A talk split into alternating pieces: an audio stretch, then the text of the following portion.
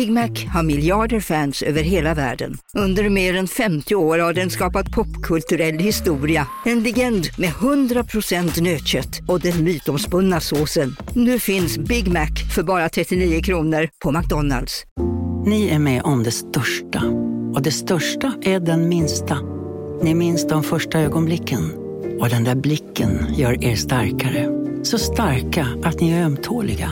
Men hittar trygghet i Sveriges populäraste barnförsäkring. Trygg Hansa. Trygghet för livet. Okej hörni, gänget!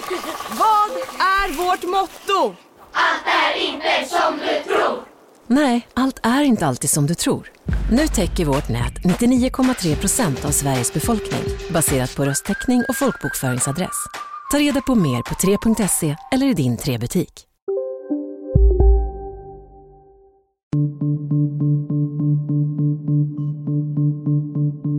Att på något sätt markera att man tillhör de goda är ju ett effektivt sätt att stärka sitt varumärke och då blir ju markeringen hela tiden genom att man definierar ut de som inte är de goda. Vilket ju har lett till en den här fullkomligt absurda beröringsskräcken i ett landskap där åsikter har blivit identitet. Då blir det ju väldigt farligt att ändra uppfattning. Vill man förändra samhället med aktivism, då är inte konsten det bästa redskapet. Och särskilt inte i ett så djupt polariserat samhälle som vi ser idag. Alla regleringar av friheter vi gör i en demokrati måste hålla för ett annat styre. Det är det man har glömt. Hon är dramatikern och aktivisten som tror att det går att samtala med alla. Att samtalet i själva verket är en väg till ett bättre samhälle.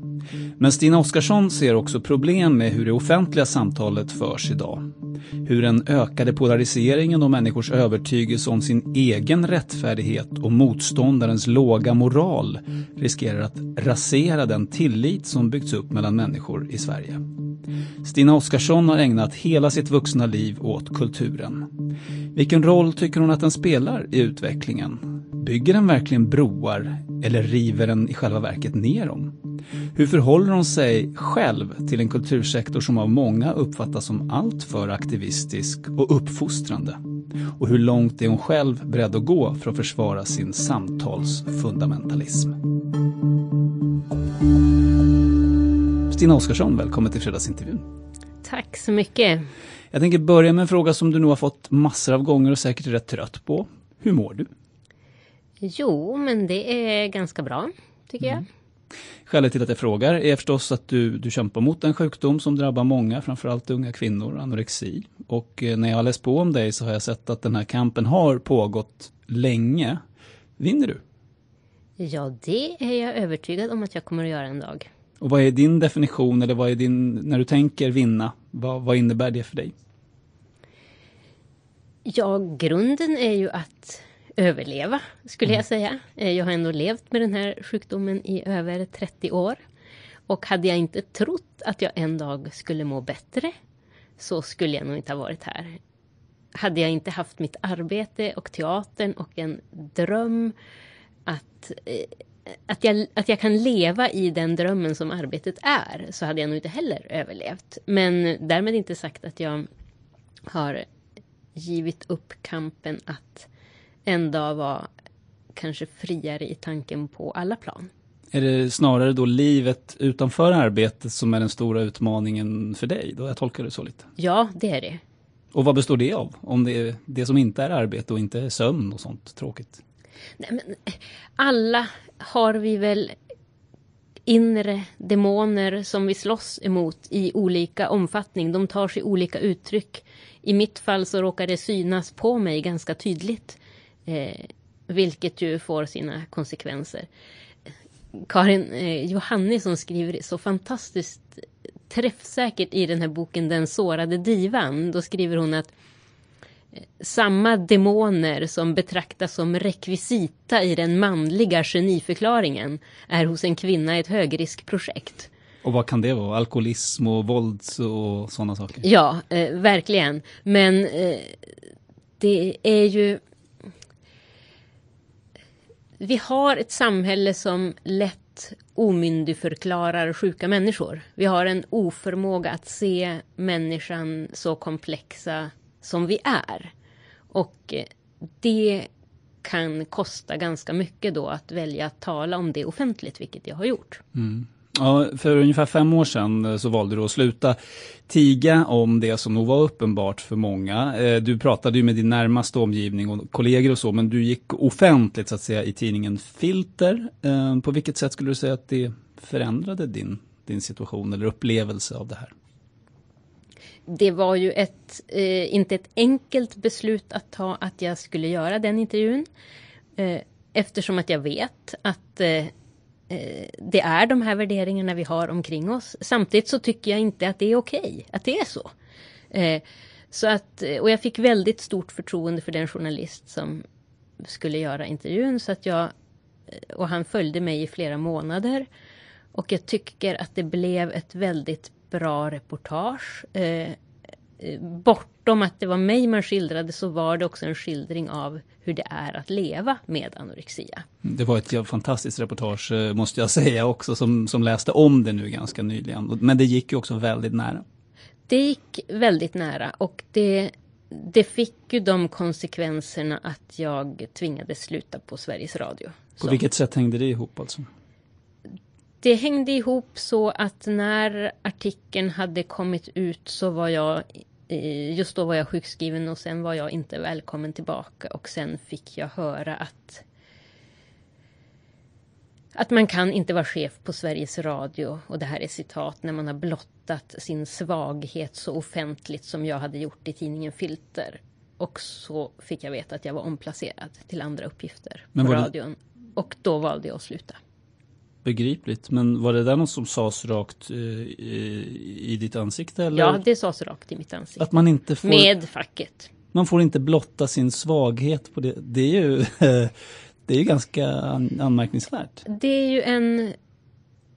Alltså det är nästan en vackert tydlig bild av de värderingar som finns i vårt samhälle. Och, och då, vad menar du att de värderingarna består av då alltså? Nej men vi har en syn på styrka och svaghet som att det vore så enkelt. Det som är så intressant är ju att det här är ju en bild. Eh, och den andra bilden var ju att jag efter reportaget fick flera hundra brev från människor i samma situation som skriver tack för att du som offentlig person pratar öppet om det här. Mm. Eh, det ger mig kraft. Eh, så där var det ju inte en svaghet. Ganska kort efter att du hade varit med i Filter så träffades vi i Almedalen när jag var där med Sveriges Radio och då gjorde eh, jag och Helena Groll en eh, intervju med dig på Studio 1 scen där och jag tänkte bara spela upp hur det lät precis i slutet av den intervjun. Hur eh, tror du att ditt liv ser ut om fem år om du får önska och drömma? Det vill inte jag veta idag.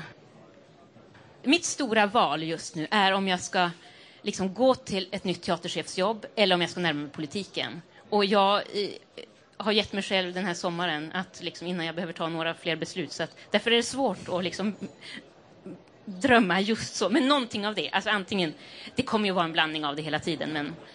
Mm, teaterchefsjobb eller politik. Eh, det där var väl sju år sedan om jag räknar rätt.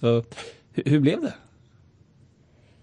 Ja, eh, jag står väl fortfarande i samma fråga. Mm. Eh, jag har ju stått här hela mitt liv, tror jag, i, i valet mellan konst och politik. Men hela tiden så stannar jag i konsten. Och det finns nog en anledning till det. Och jag skulle nog säga att jag är nog närmare eh, konsten och teatern idag. Eh, även om jag ju aldrig kan låta bli att lägga mig i samtidsdebatten på olika sätt så eh, känns politiken idag väldigt främmande så som den ser ut. Hur menar du, eller varför? Jag måste säga att det verkar vara så låg takhöjd inom de politiska partierna och det, man verkar inte vara intresserad av Alltså den fria tanken av fria intellektuella. Jag tycker det är oerhört sorgligt men av den idéutveckling som jag tror att politiken skulle behöva. Politik är egentligen för mig och kommer förmodligen alltid att vara den högsta konsten. Men jag tror helt enkelt att jag som är en fri tänkare skulle malas ner omedelbart och jag är inte beredd att gå under för det. Eh, låt oss lämna det där och prata om en annan sak. Eh, du brinner ju för demokrati, kultur och det offentliga samtalet. Om vi börjar med just det offentliga samtalet och hur det förs då i Sverige. Hur skulle du karaktärisera det? Ja, det offentliga samtalet, det är ju som inte ett samtal som det förs. Nej, men jag, jag, det slår mig bara att egentligen är det ganska konstigt att vi pratar om det som en i bestämd form. Eh, det är ju en massa på ett sätt tjeckovska monologer som där folk pratar utan att lyssna på de andra. Eh, Mycket. Nej men det är ju det är ju ett väldigt eh, polariserat eh, samtal. Där lyssningen är väldigt låg. Alltså det här hänger ihop med det nya klassamhället. Där gränslinjerna framför allt inte är ekonomiska utan gränserna i det nya klassamhället handlar ju framför allt om språk, om identitet, om kultur och åsikter. Och i ett landskap där åsikter har blivit identitet, då blir det ju väldigt farligt att ändra uppfattning. Vilket ju, för då hotar ju det hela ens identitet. Vilket ju gör samtal omöjligt. För det gör att alla bara hela tiden använder sina åsikter för att befästa sig själva som Många försörjer sig som tyckare istället för att tänka. Och man, eh, man på något sätt använder åsikterna till att stärka sina egna varumärken. Vilket man gör från både höger och vänster. Eh, Och både enskilda personer och organisationer an använder det här. Eh, att på något sätt markera att man eh, inom civilsamhället kan vi se att eh, markera att man tillhör de goda är ju ett effektivt sätt att stärka sitt varumärke och då blir ju markeringen hela tiden genom att man definierar ut de som inte är de goda, vilket ju har lett till en den här fullkomligt absurda beröringsskräcken med eh, människor med inom situationstecken fel åsikter. Eh, Som tar sig så många uttryck. Jag har inte tänkt på det där faktiskt. Att eh, åsikten är en sån tydlig del av identiteten och att det därför blir farligt eh, att ändra åsikt. Det kan inte vara riktigt bra för en, en fräsch demokrati. Tänker Nej jag. men jag tror att det, det är fullkomligt förödande. Och eh, jag, är ganska, jag kan ju verkligen se det i och med att både enskilda tyckare lever, vi lever ju alla på att man är varumärken. Eh, Men när det här har smittat även civilsamhället. Du vet, eh, eh, eh, Teskedsorden, känner du till dem? Mm, vagt. Eh, alltså en stiftelse som ska jobba i Amos Os anda för tolerans och mångfald. På alla hjärtans dag så lägger man ju på sin hemsida ut ett, ett formulär som heter Rassekollen. Där man kan kolla om ens dejt har schyssta värderingar. Eh, alltså då inte är rasist eftersom att det här är rassekollen. Eh, det finns ingen idé om att man sk- kanske ska samtala med en person med andra värderingar eller vad man ska göra då. Men den, den första frågan där, det var eh, är det inte konstigt att vår kulturminister som har kultur som sitt ansvarsområde inte fattar att hennes hår är ett problem? Mm. Och vad syftade det på? Und, jag menar, und, alltså att hon då med sin frisyr har approprierat. Ah. Alltså är hon rasist. Oj, hon låtsas vara något som hon inte är eller Ja, lånar och, det får man, och det får man ju inte göra då. Och det här är då i rassekollen. Med andra ord så, och fattar man inte det så är man alltså rasist. Du vet, det här är så... Jag tänker bara, när jag såg det där så tänkte jag Amos Os skulle gråta om han såg hur hans arv Mm, Det var inte förvaltades. riktigt i, i hans anda. Nej men, nej, men och det här är det här är ju bara ett exempel av hundratals. Eh, men jag tycker att det blev så... För att för mig så är det här ingenting annat än klassförakt. Okej. När jag, när jag läste det här, då förstod jag vad Göran Hägglund pratade om för tio år sedan när han skrev artikeln om verklighetens folk. Det förstod du inte då eller? Nej. Jag gjorde inte det. Jag tillhörde... alltså, hela den artikeln andades ju ett förakt mot en kulturelit mm. som hade fjärmat sig från folket. Och som du i viss mån var en del av då? Ja, absolut. Mm. Mm. och eh, eh, vi var många som svarade med ett lika massivt förakt. Vi såg inte de klyftorna som hade då redan då börjat växa. Mm. Idag så går de inte att blunda för. Jag, jag tror att kulturlivet och det civila samhället har en stor del i i den polarisering som pågår genom att man har tagit sin egen godhet så för given. Vi ska prata mer om det. Eh, du gjorde ju för några månader sedan då i våras en serie samtal i Svenska Dagbladet eh, där rubriken var den polariserade debatten. Eh, hur uppstod den idén eller vad var syftet med den? Det var faktiskt en fråga från Svenska Dagbladet. Och, de vände sig just till dig? De vände sig mm. till mig de sa faktiskt att vi vill gärna göra den här samtalsserien men vi ser ingen annan än du som skulle kunna göra den för att vi ser ingen annan i Sverige idag som så konsekvent genom åren har stått upp för tron på samtalet. Mm. Och som kanske också eh, vågar göra det trots att man vet vad det kan innebära. Hur var det att träffa de här människorna då? Jag ska räkna upp vilka det var då. då.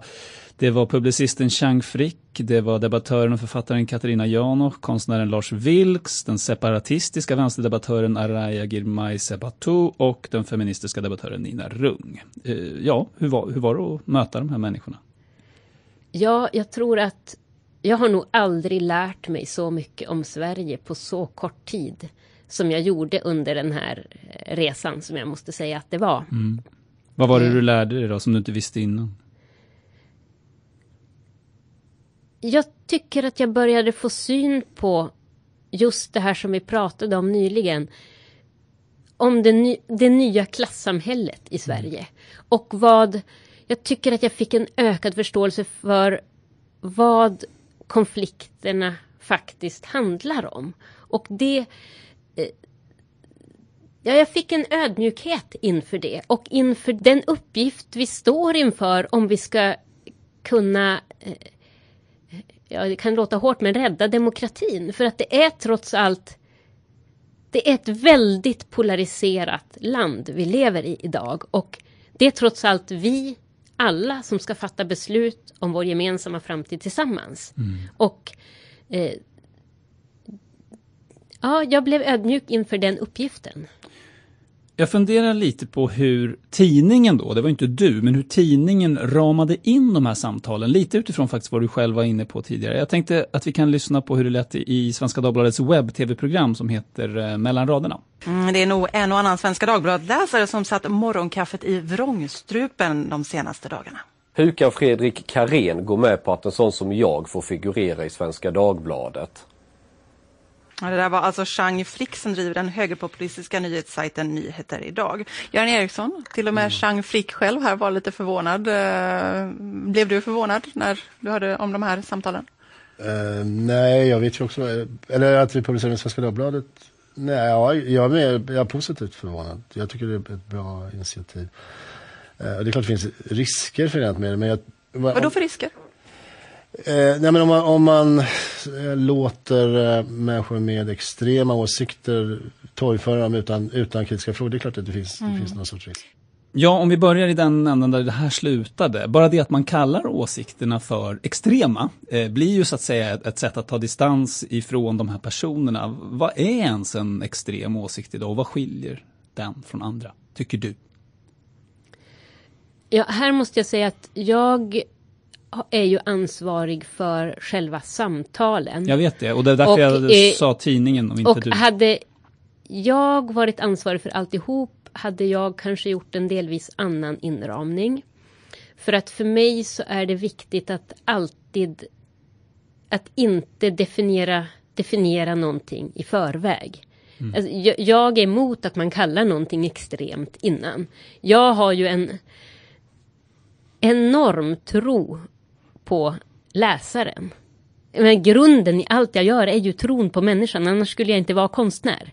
Jag hade valt färre eh, faktaklamrar inne i samtalen. Mm. Jag tycker att samtalen ska stå för sig själva.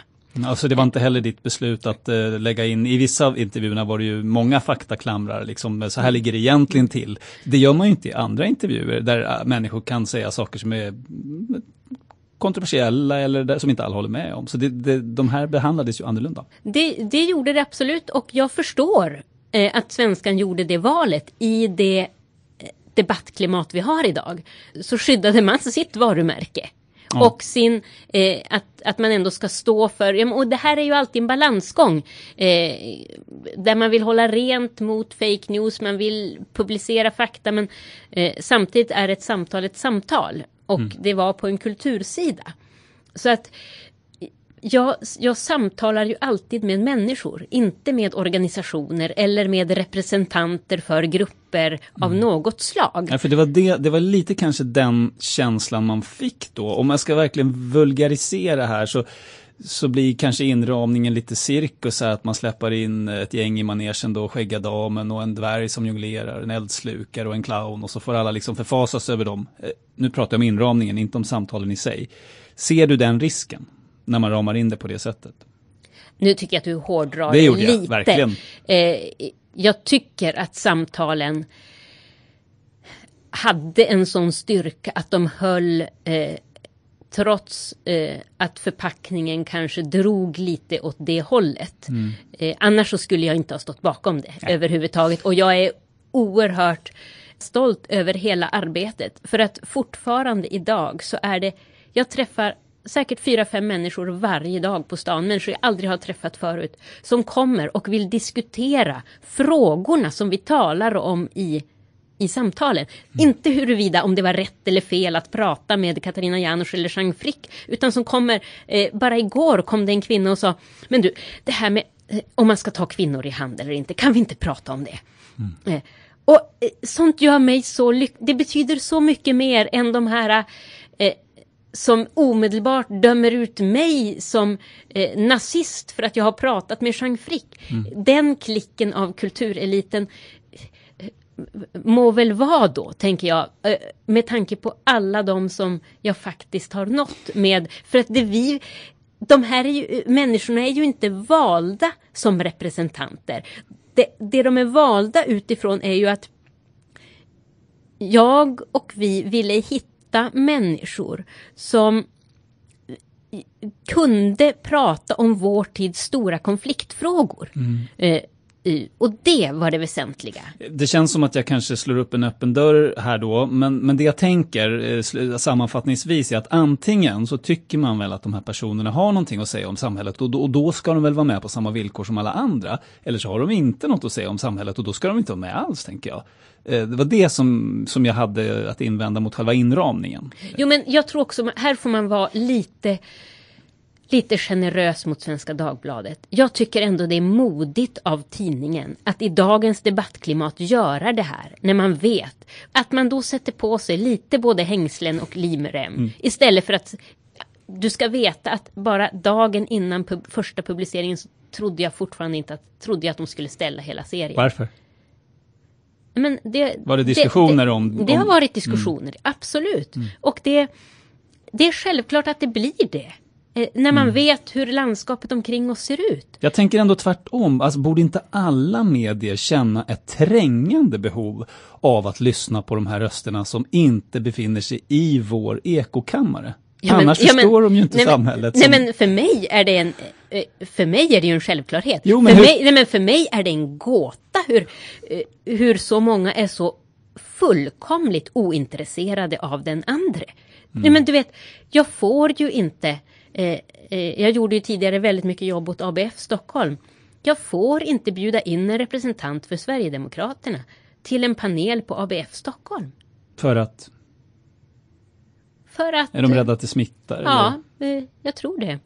Det, stå, det är deras policy. Och så många diskussioner som jag har haft kring detta. För mig så är det ett svek mot allt vad arbetarrörelsen alltid har stått för. Man sviker ju hela idén, hela tron på människan. Man sviker hela tanken om att bildning, att kunskap, att man ska kunna bilda sig sin egen uppfattning. Om jag inte ens tror att jag med argument och en intellektuell debatt kan avkläda ett rasistiskt argument, utan tror att åsikter smittar. Då, då är man ju förlorad. Samtidigt så går det såklart en gräns, tänker jag. Jag skulle inte bjuda in en person till den här intervjun som till exempel vill diskutera huruvida förintelsen har ägt rum eller inte, eh, för att ta något väldigt extremt. Eh, du, skulle du kunna göra det också då, bara? Och i så fall varför? Nej men det, det kan jag inte, alltså att diskutera hur, huruvida förintelsen ägt rum i den här intervjun, det känns ju ganska meningslöst. Nej det menar jag inte, men alltså jag menar att det finns en gräns såklart när samtal inte längre är meningsfullt, det är så jag menar. Och, och har inte du också en sån gräns? Jag har en sån gräns och jag låg lite när du sa i introduktionen att jag tror att samtal alltid är möjligt. Mm. Jag trodde det. Fredag 22 juli 2011 så stod jag på en scen i Dalarna på Vildrosfestivalen och höll en föreläsning om samtal och icke-våld. Jag började prata klockan 17 och jag inledde den föreläsningen med följande mening. När två människor står öga mot öga med varandra då har man ett val. Man kan skjuta eller man kan påbörja ett samtal.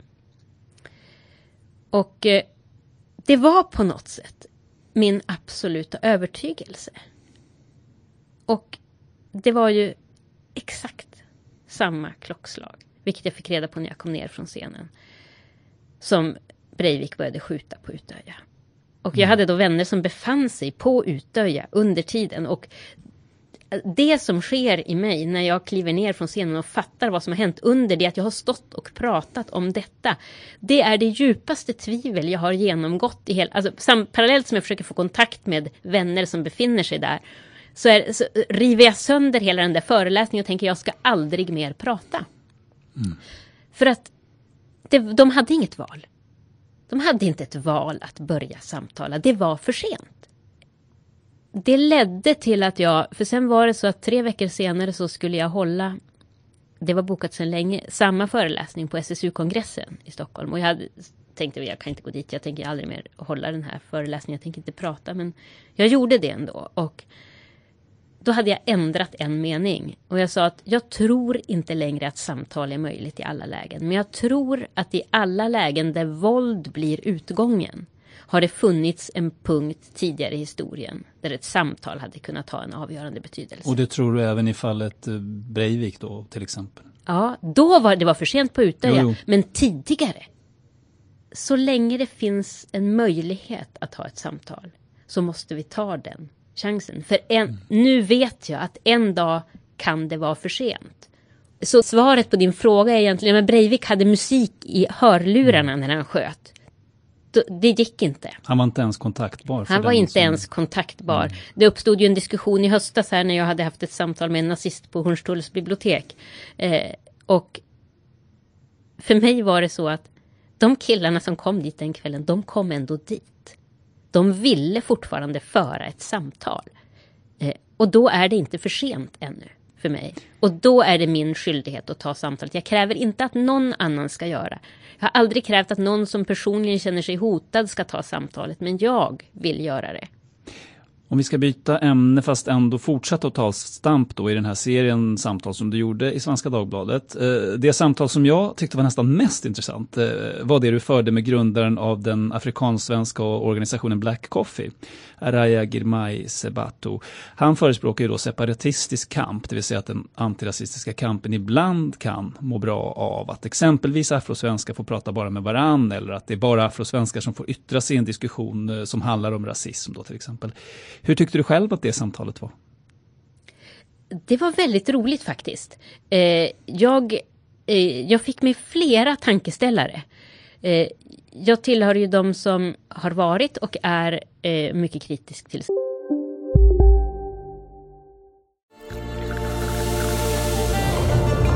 Välkommen till Maccafé på utvalda McDonalds restauranger med Baristakaffe till rimligt pris. Vad sägs om en latte eller cappuccino för bara 35 kronor? Alltid gjorda av våra utbildade baristor. Hej Sverige! Apoteket finns här för dig och alla du tycker om. Nu hittar du extra bra pris på massor av produkter hos oss. Allt för att du ska må bra. Välkommen till oss på Apoteket. Hej, Susanne Axel här. När du gör som jag och listar dig på en av Krys vårdcentraler får du en fast läkarkontakt som kan din sjukdomshistoria. Du får träffa erfarna specialister, tillgång till lättakuten och så kan du chatta med vårdpersonalen. Så gör ditt viktigaste val idag, lista dig hos Kry. Separatism, och, eh, eller framförallt mycket av hur den har kommit att användas. Eh, min, min bild som jag kom dit med var ju framförallt att jag var med i en debatt på ABF en gång om separatistiska rum och eh, Z-salen var proppfull och eh, hela debatten börjar med att eh, en av paneldeltagarna säger till mig att du har ingen rätt att yttra dig för du är vit, privilegierad, eh, heterosexuell och haft en sån jävligt nice uppväxt. Det visste han, eller hon. Hen henne. Förstod jag sen att jag skulle säga, okay. ha sagt. Eh, eh, och, och du vet, jag står där. Det här är en människa jag aldrig har träffat förut. Som bara genom att titta på min hudfärg klistrar på mig en ekonomi, en sexuell läggning, en uppväxt som är nice. Vet ingenting om den kamp jag har genomgått. Och därmed menar jag så går ju hen emot allt vad hela den antirasistiska kampen alltid har stått för. Att tillerkänna alla människor samma värde. Mm. Och att man inte blir dömd, alltså man kämpar ju för att inte bli dömd från sin hudfärg. Ja, men man måste ge ja. din samtalspartner i det ja. där samtalet att han var eh, han gav bra motstånd och det var ju en intellektuell tänkande person och han sa ju bland annat då att även feminismen på sätt och vis är separatistisk eller identitetspolitisk. Nu, nu pratar du om Araya. Ja, exakt. Ja, precis. Eh, och, och, det är också en fråga jag funderar lite grann över. Eh, det har ju gått väldigt djupt i det svenska samhället. Eh, feminismen som ändå gör skillnad så väldigt tydligt på, på kvinnor och män på olika sätt. Eh, vad tycker du om det? Då? Jo, nej men som sagt, jag lärde mig otroligt mycket av det här samtalet. Jag, jag, mm. jag fick mig verkligen en och annan tankeställare. Jag, det, det, roligaste med samtalet med Araya var ju att han såg ju det här som en metod, inte som ett mål. Mm. Och det är en stor skillnad. Eh, och han såg, och han, vi delade också uppfattningen att det måste göras med lite humor. Mm. Alltså man måste göra det med en självdistans. Och det jag tror var den största insikten var att ja, separatistisk kamp kan behövas som gräsrotsmetod underifrån. Man kan behöva eh, agera tillsammans med de som delar samma problem för ett mål. Eh, men faran uppstår ju när makten börjar plocka upp de här metoderna och eh, vilket vi kan se nu, på något sätt så har man ju från kulturpolitiskt håll börjat plocka upp den här kampen och helt plötsligt så ska man pytsa ut kultur, kommer det förslag om att pytsa ut kulturbidrag speciellt till afrosvenskar. Mm. Då har vi gått vilse.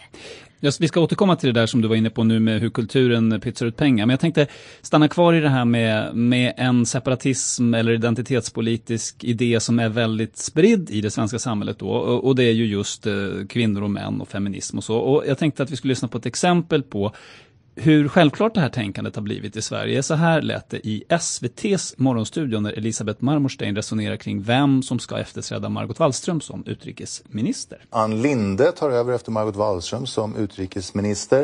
Eh, varför väljer statsministern henne?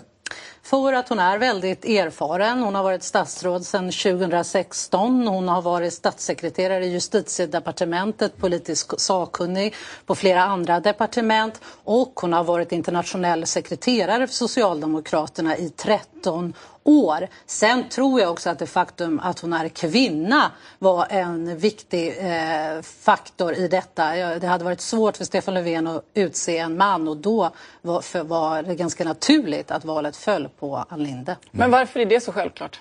Alltså Ja. att han inte kan ta en man? Därför att dels för att det är en, en väldigt tung post i regeringen och tappar man en kvinna på den posten så är det ju lämpligt att ersätta det med en kvinna.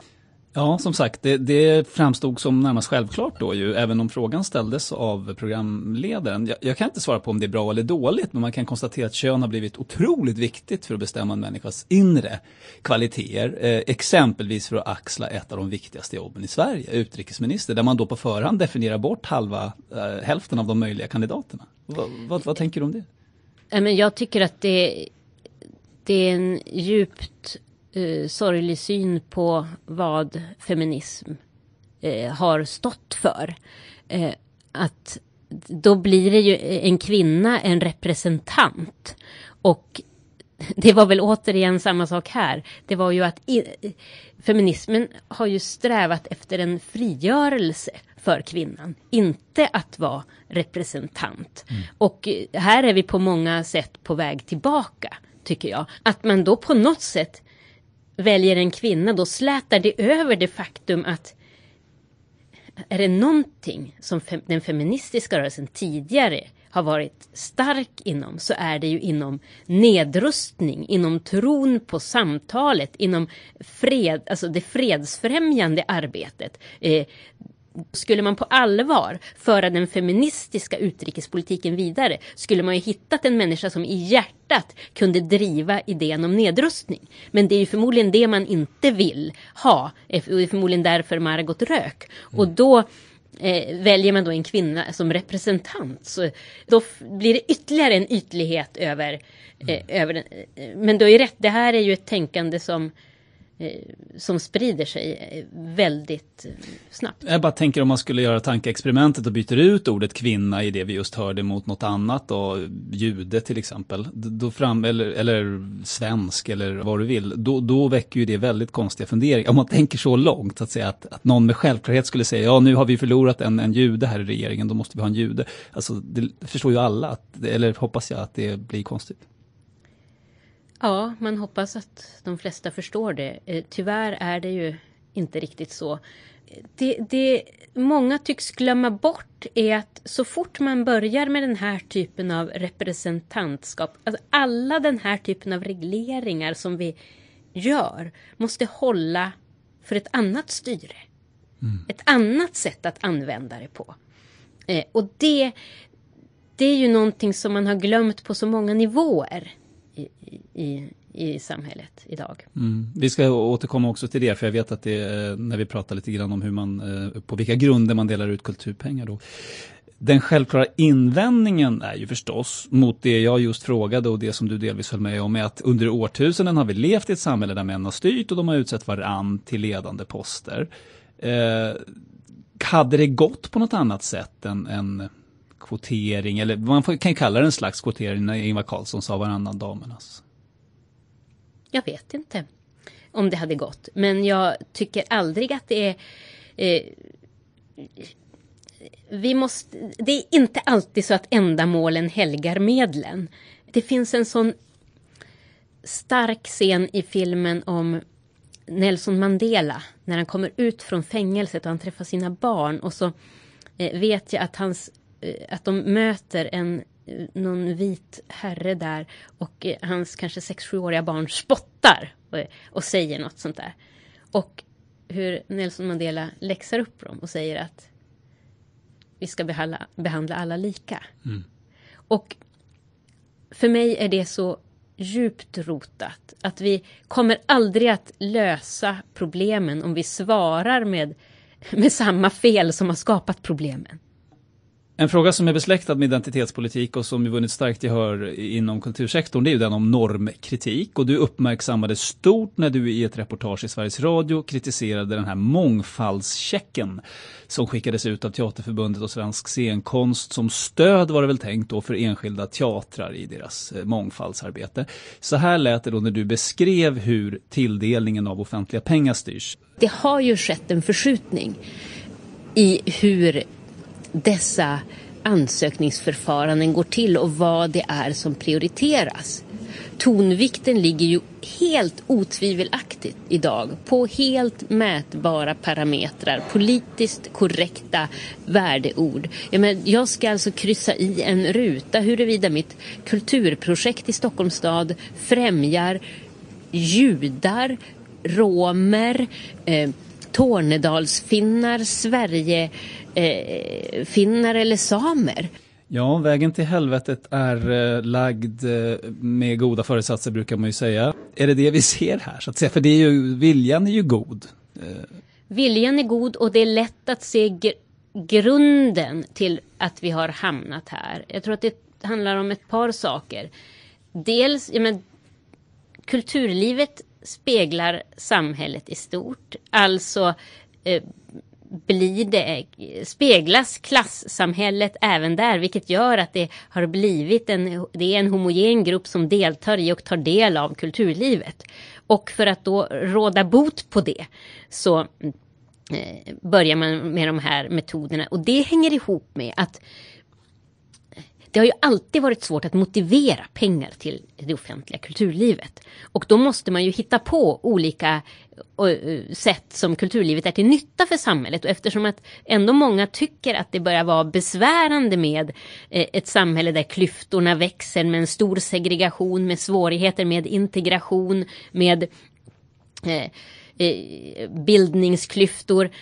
Då har ju idag kulturlivet. Tidigare så skulle man ju helst främja ekonomisk tillväxt i regionerna och sånt, mm. lite folkhälsa. Idag så är det ju snarast att man ska vara spackel för en havererad välfärdspolitik och lösa de problem som den övriga politiken inte orkar med. Hur, hur menar du då att kulturen blir spackel för Ja, men man, eh, man önskar det. Eh, man, eh, för att få kulturbidrag idag så måste du ju på något sätt motivera att du bidrar till integration, social hållbarhet eller åtminstone det räddar klimatet lite grann. Eller, mm. jag menar, att göra Miros skulptur, fågelbo med blommande fingrar.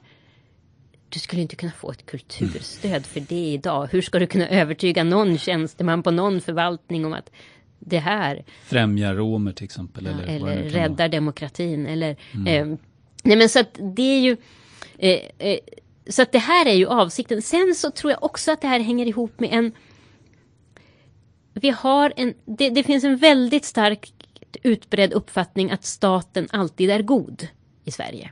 Och jag fostrades in i kulturlivet eh, och lärde mig att eh, det är det offentliga som är en garant för konstnärlig frihet och för kvalitet, i princip för att kultur alls ska existera.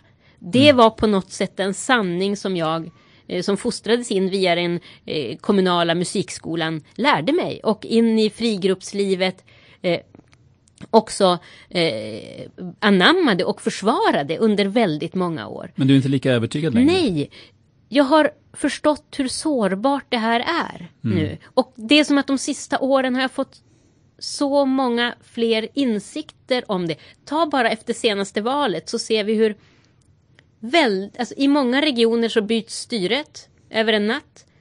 Och helt plötsligt så skärs det ner på kulturområdet med mångmiljonbelopp. Och jag får massor med upprop om fria grupper som tvingas lägga ner. Och helt plötsligt står jag där och tänker, men vad är det här för frihet? Mm. Om vi är så beroende av det offentliga att vi lägger ner om det blir ett skifte i politiskt styre. Det är ju en enorm sårbarhet. Eh, mm. Som är nästintill farlig för då är vi ju då är vi inte alls fria från makten. Ja, det är väl också farligt att man blir så associerad med den ena sidan i politiken ja. att den andra sidan när den kommer till makten snabbar sig på att lägga ner. Det här är vänsterpropaganda eller vad de nu kan tycka. Ja, mm. nej men det är ju en, det är väl det ena och det andra är att man då det här vi ser när du gav exempel med de där kryssrutorna till exempel. Jag menar, och vi ser en mäng mängder av regleringsbrev till institutionsteatrar där det står att kulturen ska främja normkritik och bidra till mångfald och det ena mm. och det mm. andra. Och nu helt plötsligt blir det ramaskri när man i Sölvesborg har klubbat igenom det här eh, 220-punktsprogrammet där man skriver att inköp, av, in, inköp ska prioritera klassisk konst och inte samtidskonst. Ja, det är ju svårt Utmanande. att invända mot att en ny politisk majoritet gör exakt samma sak som den förra fast utifrån sina värderingar. Och det är det jag menar, Ja. att alla regleringar av friheter Mm. vi gör i en demokrati måste hålla för ett annat styre. Och det tycker du inte att det gör? Nej, Mm. det är ju det man har glömt. Alltså, det finns en intellektuell blindhet här som skrämmer mig. Vi kan väl eh, fast eh, hålla kvar lite vid det här med att kulturen av många på högersidan då uppfattas vara vänster. Jag kommer ihåg när författaren Bengt Olsson för sju år sedan ställde den här frågan i DNs kulturdel, varför kulturen alltid måste vara vänster. Det blev ett herrans liv och sen dess är min bild faktiskt att den har blivit ännu mer uppfostrande och ännu mer förutsägbar än vad den var då. Det vill säga svaret på hans fråga var ja, så ska det vara och ännu mer. Sen om det är vänster eller om det är progressivt, det vet jag inte. Men det är i alla fall sällan jag blir väldigt överraskad tycker jag. Jag skulle säga att det som har skett är att eh, kulturen har blivit väldigt eh, mycket mer moraliserande. Ja, det är ungefär det jag menade. Att man, eh, det här som vi pratade om tidigare, det som jag har förstärkt är det här med att åsikter är identitet och att man eh, manifesterar sina åsikter och man ställer ut den andre. Jag tänkte på ett Stig Dagerman skriver helt fantastiskt i sin inledning till den yttersta dagen. Något som jag tycker att kulturen fullkomligt har glömt idag. Då skriver han så här att varje diktverk strävar mot en punkt som ligger utanför den miljö det skildrar, eftersom det anar att varje miljö är tillfällig. Den som skriver om en grupp människor för att visa att denna grupp är bättre eller sämre än andra är ute i andra ärenden än konstens, oftast sämre. Diktens uppgift är inte att stimulera den mänskliga högfärden, utan tvärtom att minska den, genom att uppenbara att jorden är ett tillfälligt rastställe där alla har lika rätt till elden, vilan och vattnet. Mm. Och det är någonting i det där som jag saknar i det svenska kulturlivet idag. Det som handlar om att konstens stora möjlighet är ju att tala om det vi har gemensamt. Mm. De existentiella villkor som vi alla lever under oavsett vilka åsikter vi har, vilken klass vi tillhör. Det tycker jag att delar av kulturlivet har svikit. Jag tänker att eh, det finns en uppfattning, tror jag, hos en, en del av de som sysslar med kultur i alla fall, att vi lever i någon slags eh, brytningstid eller i den yttersta tiden där demokratin står på spel och då gäller det att, att liksom välja rätt sida av historien och göra pjäser som handlar om, om att hjälpa flyktingar eller vad det nu kan vara, för att visa att vi, vi är emot den här rörelsen som växer på andra hållet. Går det att förstå det? Jag kan ju förstå frustrationen. Mm. Eh, men två saker. Det ena är att vill man förändra samhället med aktivism, då är inte konsten det bästa redskapet, skulle jag säga. För att, och särskilt inte i ett så djupt polariserat samhälle som vi ser idag. För det riskerar bara att motsättningarna ökar. Men du har ju själv eh, ibland varit aktivistisk. Du har ju själv sagt att politik och konst, det har varit dina intressen och sådär. Jag har nog i alla fall ibland uppfattat att du har eh, haft dem ärendena, men det kanske är fel. Jo, men jag har nog eh, delvis svängt även här. Jag hade nog en större tro på att konsten var den hammaren med vilken man kunde forma världen, om vi säger tio år tillbaka. Men jag, jag vill inte använda konsten till det. Jag tror att det är, det är en farlig väg att gå just nu i alla fall. Eh, Jag har ju alltid varit intresserad av att förstå den andra och, att, och av att bli förstådd. Eh, inte av att ställa ut någon annan. Och jag tycker att vi har passerat en gräns nu där det inte riktigt går att använda konsten aktivistiskt utan att göra det. Och vill man då syssla med konst så är det bättre att jobba på det, konsten, det konstens styrka faktiskt är. Eh, och att ska man syssla med aktivism så måste man ha kunskap om aktivism. Det finns ju metoder som är bättre eller sämre än andra. Ska man rädda klimatet så kanske inte det smartaste är att vara ute och eh, tro att folk ska bli veganer för att man förstör älgtorn så att jägarna ska skadas inför älgjakten, vilket en del, eh, hundratals älgtorn som nu rev. Det är inte liksom. konst riktigt. Nej, det är inte konst, men det, det är lite samma syn på att på den andre och på att någon slags övertro på sin egen förmåga att förändra samhället. Men då får jag fråga, om, om några konstnärer, teatermänniskor nu lyssnar på det här samtalet och tänker, ja hon har rätt, eh, vi, vi kan inte göra aktivistisk konst. Hur lätt är det så som strukturerna ser ut att göra någonting som verkligen utmanar eh, de här sakerna och dessutom säger någonting om vår tid, tror du? Jag hade ett sånt där fantastiskt samtal med, eh, för att jag, jag, fick ett uppdrag av eh, Länsteatern i Västerås. Mm. Att eh, kan du inte skriva en pjäs om problemen med demokratin?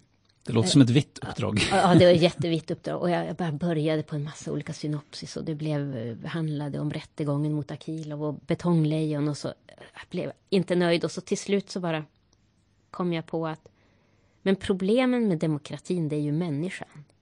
Det, nej men det, är ju jo, vår, nej men det är ju vår egen skörhet, vår bräcklighet, vår, våra behov av att tro på någonting eh, och faran i om jag eh, tror så mycket på någonting att jag slutar tänka själv. Och då kom jag på att det finns ju en text som bättre än någon annan beskriver det här. Och det är Selma Lagerlöfs andra verk Antikrists mirakler.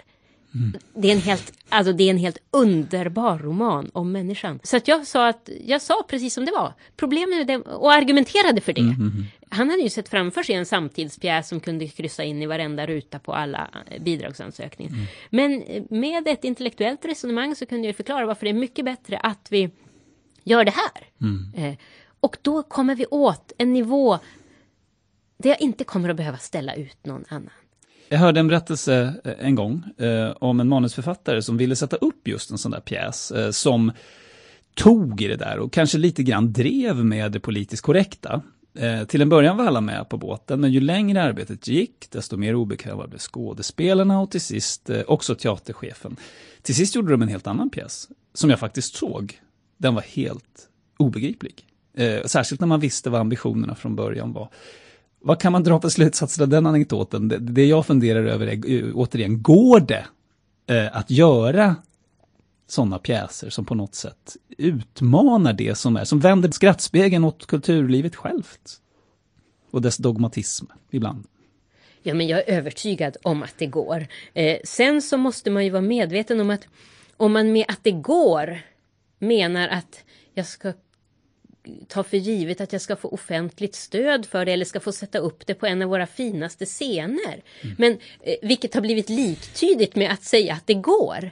Men, eh, men så, det är ju så att konst kommer att skapas i alla tider, i alla samhällen, under alla former av styren. Med pengar eller utan pengar, på en fin scen eller i en källare. Eh, det kanske inte går att göra det under de bekvämaste omständigheterna. Men det är klart att det går. Om man vill så går det. Eh, vi kan ta ett konkret exempel på något som många inte ens skulle hålla med om är konst. Det handlar om den så kallade gatukonstnären Dan Park som ju till och med har dömts för hets mot folkgrupp för de här affischerna som han gör. Vad säger du om det där? Jag vet inte om du har sett dem. Är det konst eller meningslös provokation? Det ligger ju i alla fall en hel del arbete bakom dem. Mm. Eh, jag kan omöjligt avgöra om han är nazist eller om han är en konstnär som bara provocerar på sitt sätt. Eh, och eh, den diskussion som han väcker handlar ju egentligen om den eviga diskussionen som alltid har varit när det gäller konst. Kan man skilja på verk och person, mm. personens mm. åsikter? Mm. Eh, eh, måste man göra det? Kan man tycka om Wagner utan att ta ställning till hur Wagner har använts. Om jag förstår, för de som inte vet vem Dan Park är så är ju hans affischer går ju ofta, de är, tangerar ju ofta rasism och många tycker att de är rasistiska också och det, det har han ju också blivit dömd för. Eh, han var med i en P1-dokumentär som jag lyssnade på eh, och där får han då frågan av reporten om varför han är så insnöad på de här eh, rasisttemana och, och så här svarar han. Jo, men det, nu är det inte jag som har snöat in på det, det är ju samhället som har blivit så. När det kommer det med själva attacken i New York 2001. Liksom. Det är ju det är media som skriver om det. Och det är samhället som har snöat in sig på antirasism och rasism. Jag menar, och som sagt, jag gör affischer av aktuella händelser och jag följer med i samhället. Så, ja, precis. så det är inte jag som är snöad utan det är... Jag menar, vad ska jag annars göra affischer om? Det är inte jag som skapar samhället, det är samhället som skapar mina affischer. Mm, eh, så långt eh, Dan Park. Ja, vad, vad, vad ska man tänka när man hör detta? Ja, men det ligger ju helt klart någonting i hans resonemang och det ligger ju också någonting i konstnärens natur att om alla pratar om en sak och skildrar en sak på ett sätt så måste man göra tvärtom oavsett vad det är. Så hade samhället varit precis tvärtom hade, eh, så hade förmodligen Dan Parks gjort, tror jag, mm någonting helt annat. Ja, det är det som är frågan. Det, det, det eller så här, det, det, men, men jag, eh, det, det skulle kunna vara så. Mm. Eh, jag, eh, jag, jag vet inte. Och, och det är en gåta. Och för mig är väl det primära att jag tror inte att det är Dan Parks som, som är det stora hotet mot vår demokrati idag. Eh, han lägger ändå enormt mycket tid på att försöka konstruera ett budskap. Eh, eh, noggrant utmejslade bilder. Eh, alla småhatare till höger och vänster som kastar ur sig saker för att själva klättra på andra tror jag är mycket, mycket farligare. Och jag tror att det är mycket, mycket farligare eh, alla de här inskränkningarna som sker när man med lagstiftning börjar tumma på demokratins grundläggande friheter. Där har vi mycket större hot mot demokratin än vad Dan Parks affischer. Skälet till att jag frågar om Dan Park är egentligen att han, det är så lite kultur jag ser idag som verkligen provocerar på riktigt, så att säga utmanar på riktigt. Och oavsett om det här är god konst eller om det ens är konst, så någonting har han lyckats med. Han gör folk förbannade. Man vill till och med döma honom. Och, och det är det som gör att jag tycker att det är intressant. Ja, och det är, ganska, det är vi ganska ovana vid i Sverige, för att här ska... Eh, vi är ganska vana vid att det vi har kallat politisk konst, det är det som egentligen bara är en förlängning av den politiska maktens intressen. Ja, det blir ju då väldigt eh, konstigt. Kanske. Ja, men lite så har det varit. Tror jag. Är det inte så och fortfarande då? Jo, eh, och är. Och det är därför som eh, Dan Parks eller för den delen Lars Vilks blir sådana outsiders. Mm. Och sån paria. Nu ska du få en jättesvår fråga till slut. Om kulturen på riktigt skulle bli fri i Sverige, vad tror du skulle behöva förändras framförallt?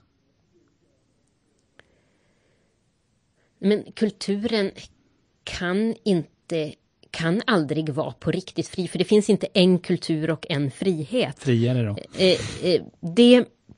Eh, ja, för mig så har nog den stora insikten kommit i att kultur, alltså konsten och kulturens frihet hänger inte ihop med vart pengarna kommer ifrån. Fri kan jag vara i ett offentligt finansierat system eller i ett eh, kommersiellt system. Eh, lika väl som jag kan vara ofri inom båda, alltså slicka makten för att nå fördelar kan jag som konstnär göra i vilket system som helst. Valet att vara fri, det ligger hos mig som enskild konstnär. Alltid. Det handlar om att jag måste veta vad jag gör och varför och vara beredd att betala vad det kostar och fråga mig om jag är beredd att betala det priset. Stina Oskarsson, varmt tack för att du var med i fredagsintervjun. Tack. Hej! Vi hoppas att du som lyssnare och läsare är nöjd med innehållet på Kvartal. Vi vill ju bidra till att det offentliga samtalet ska präglas av kunskapssökande, nyfikenhet och integritet. För att du inte ska missa något skickar vi ut nyhetsbrev till våra prenumeranter. Och den tjänsten är också gratis. För att få nyhetsbrevet går du in på vår sajt kvartal.se och klickar på fliken prenumerera och följer instruktionerna. Tack för att du följer och stöder Kvartal.